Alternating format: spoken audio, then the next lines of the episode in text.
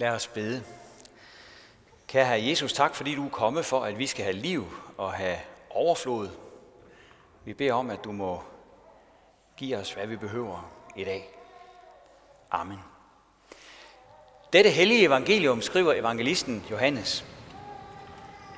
Gud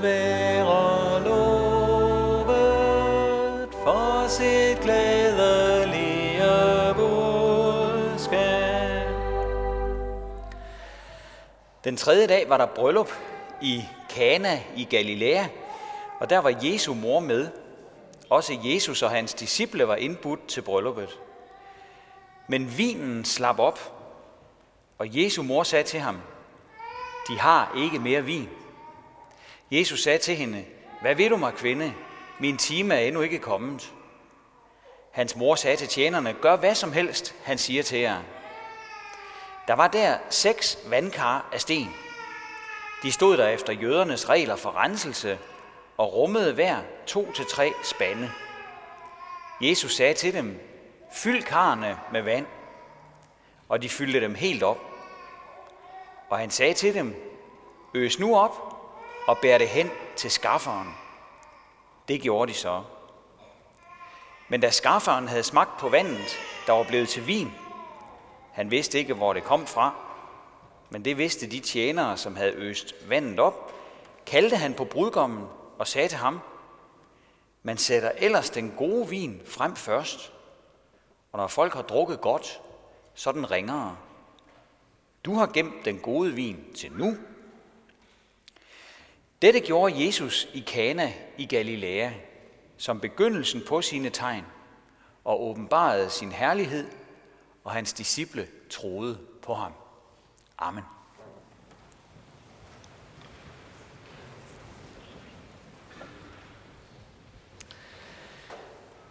I dag skal vi have en særlig ædel vin, når vi skal have aldergang.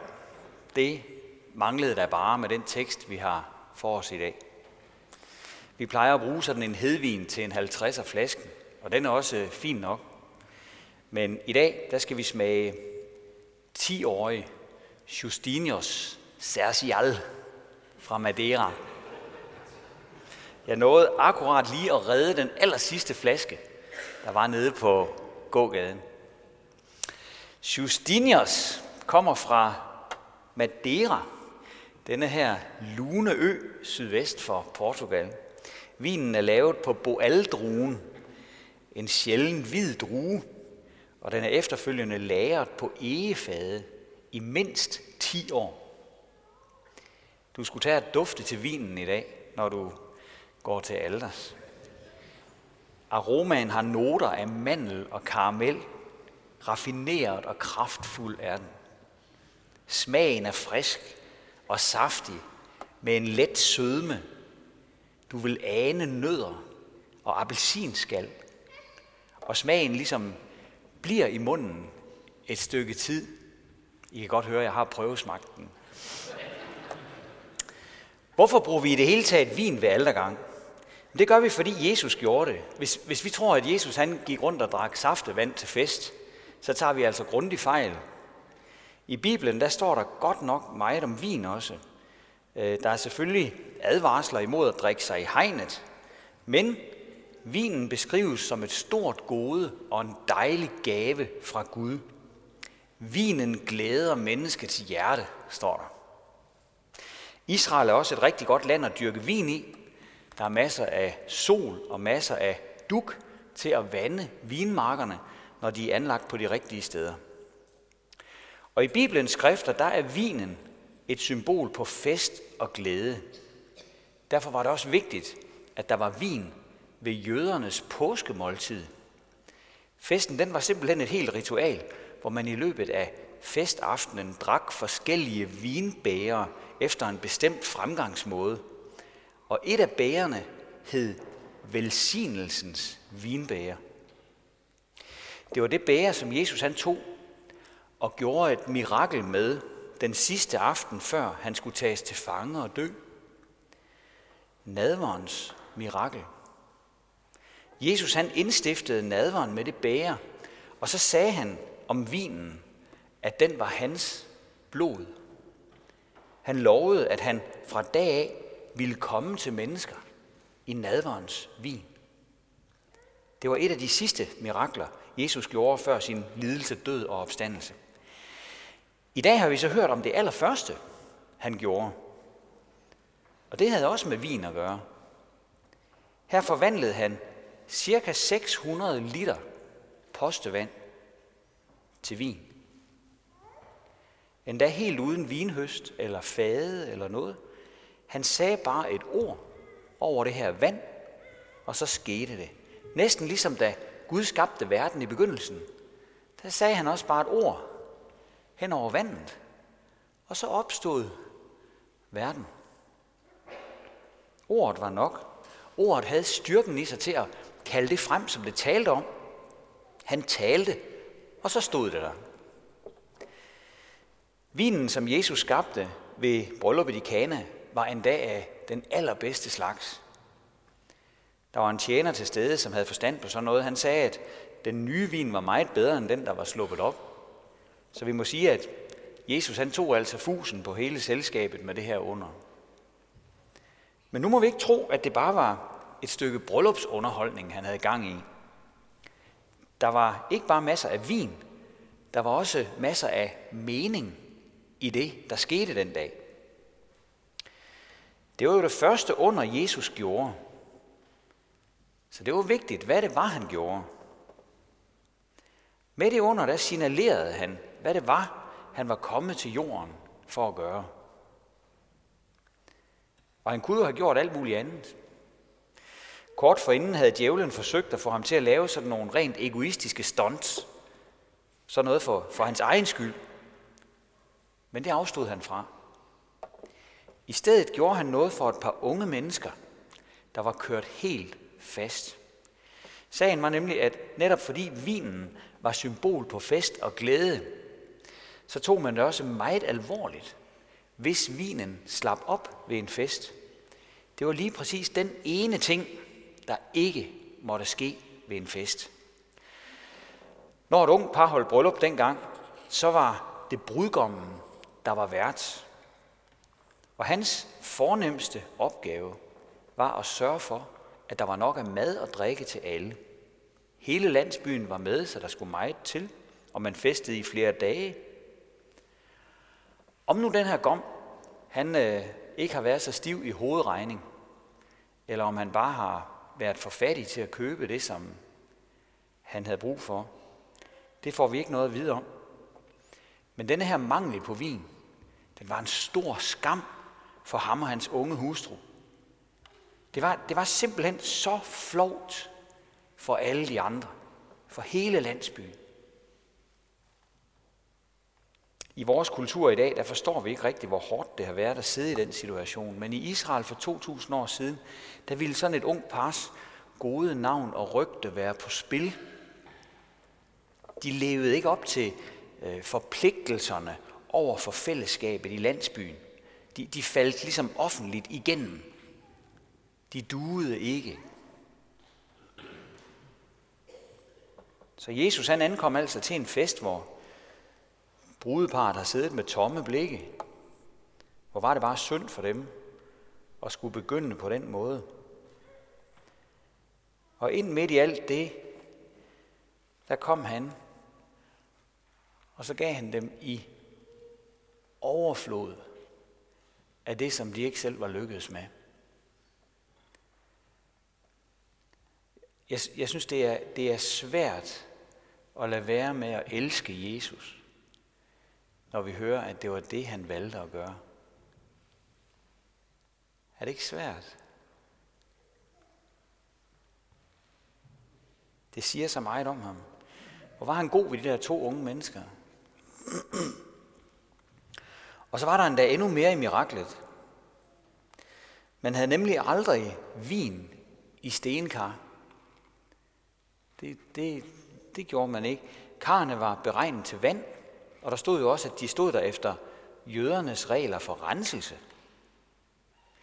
Jøderne, de, øh, de rensede sig med vand hele tiden. De rensede deres krop, deres møbler, deres mad, deres øh, service, huskeråd, alt muligt. Og det handlede ikke om bakterier. Det handlede om at ligesom at være ren over for Gud. Men det virkede ikke. Og Jesus han forklarer selv et sted, hvorfor. Han siger, at der er intet, som kommer ind i et menneske udefra, der kan gøre det urent. Indefra, fra menneskets hjerte, kommer de onde tanker. Utugt, tyveri, mor, ægteskabsbrud, griskhed, ondskab, svigt, umådehold, misundelse, bespottelse, hovmod, tåbelighed. Alt dette onde kommer indefra og gør et menneske urent. Så der var også en stærk symbolik i de her store, tomme stenkar, der stod henne i hjørnet ved festen. Ritualerne, som de var beregnet til, var tomme. De hjalp ikke noget. Og her er den dybere betydning med vinmiraklet. Ved at fylde de her rensekar op med ædel vin, så gjorde Jesus en ende på renseriet. Kan I se det? Endda på en meget sådan festlig måde. Man kan roligt sige, at han kommer til mennesker med et nyt indhold. Han har noget med til os, som skaber et nyt grundlag for vores liv og for vores relation til Gud. Der er noget, der bliver helt fornyet her. Vi skal blive ved med at kæmpe mod synden. Vi skal stadig forsøge at gøre det bedre. Men nedenunder det alt sammen, der ligger der noget andet, som kan bære os sådan som vi er. Nemlig at Jesus, han er kommet os i forkøbet med noget, der er så stort og fint og festligt, at alt hvad vi kan byde på, er det rene vand i forhold til. Hvad er det så, han har gjort? Jo, Jesus han har simpelthen givet sit liv for os, og så er han opstået bagefter.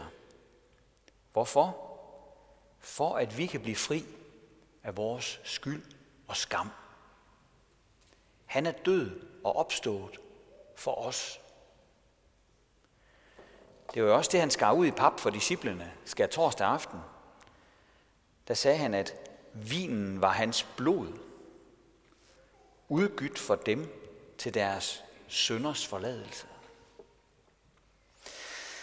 Jesus han er så utrolig omsorgsfuld og kærlig. Han ser den enkelte.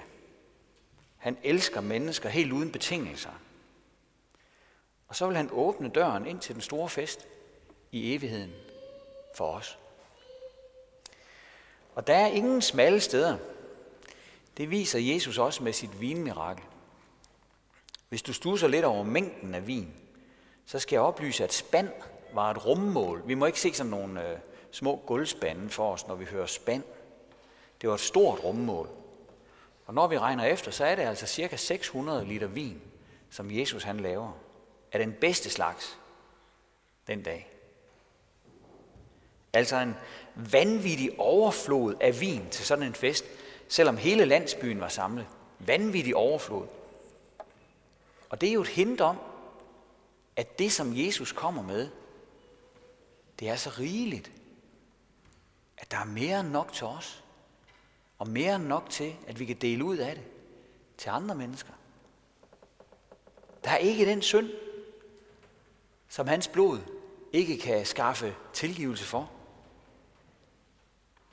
Der er ikke den overtrædelse, som vi ikke kan blive renset for, når vi vil tage imod hans tilgivelse. Jesus han har masser af tilgivelse. Så stort er det, det han er kommet med. Så det er altså Guds egne kræfter, der er på spil. Johannes fortalte i sin reportage, at dette gjorde Jesus i Kana som begyndelsen på sine tegn og åbenbarede sin herlighed. Vi bruger jo, vi bruger jo ordet herligt eller herlighed om så mange ting. Øh, følelsen i fitnesscenter, det er herligt at, at få sved på panden, eller den, den tykke faste lavnsbolle og de andre ting hen ved bageren, ikke nogle herligheder og så videre. Men i Bibelen, der er ordet herlighed tæt knyttet til Gud. Herligheden er Guds personlighed, Guds væsen. Så tegnene, som Jesus gjorde, var altså åbenlyse tegn på, at han er Gud. Der er det jo spændende med den anden tekst, som vi også læser i dag med Moses, der kun fik Gud at se bagfra. Det var det, han fik lov til. Men nu blander Gud sig med mennesker i deres hverdag og fest. Han kommer ned i øjenhøjde, og her gør han mirakler, der skal få mennesker til at tro på ham som den han er. Jeg talte med en, en præstekollega, som sagde, underne viser, hvem han er. Det ligefrem lyser ind i knollen på folk, sagde han. Og det er jo det, de gør, de under. De lyser ind i knollen på os. Johannes skriver i slutningen af sin biografi om Jesus. Jesus gjorde også mange andre tegn, som hans disciple så. Dem er der ikke skrevet om i denne bog. Men dette er skrevet for, at I skal tro, at Jesus er Kristus, Guds søn, og for at I, når I tror, skal have liv i hans navn. I dagens tekst, der stod der, hans disciple troede på ham. Så er der sådan set kun vores reaktion tilbage. Hvad gør vi? Hvad skal vi stille op? Når Jesus han skænker 600 liter noget op for næsen af os. Vores bæger er fyldt til overflod, kan man roligt sige. Ja, vi kan jo for eksempel tage imod det og sige ham tak for det. Det er det, han gerne vil. Og vi kan faktisk gøre det allerede i dag, her i kirken. Nu her, hvor vi er samlet. For Jesus, han skænker ren noget op for os i nadveren. Du og jeg, vi får om øjeblikke ragt velsignelsens bære med Justinius Sercial. Der er nok til alle. Drik alle heraf. Dette bære er den nye pagt ved mit blod, som udgydes for jer til søndernes forladelse. Så lad os drikke dybt af Guds nåde og kærlighed.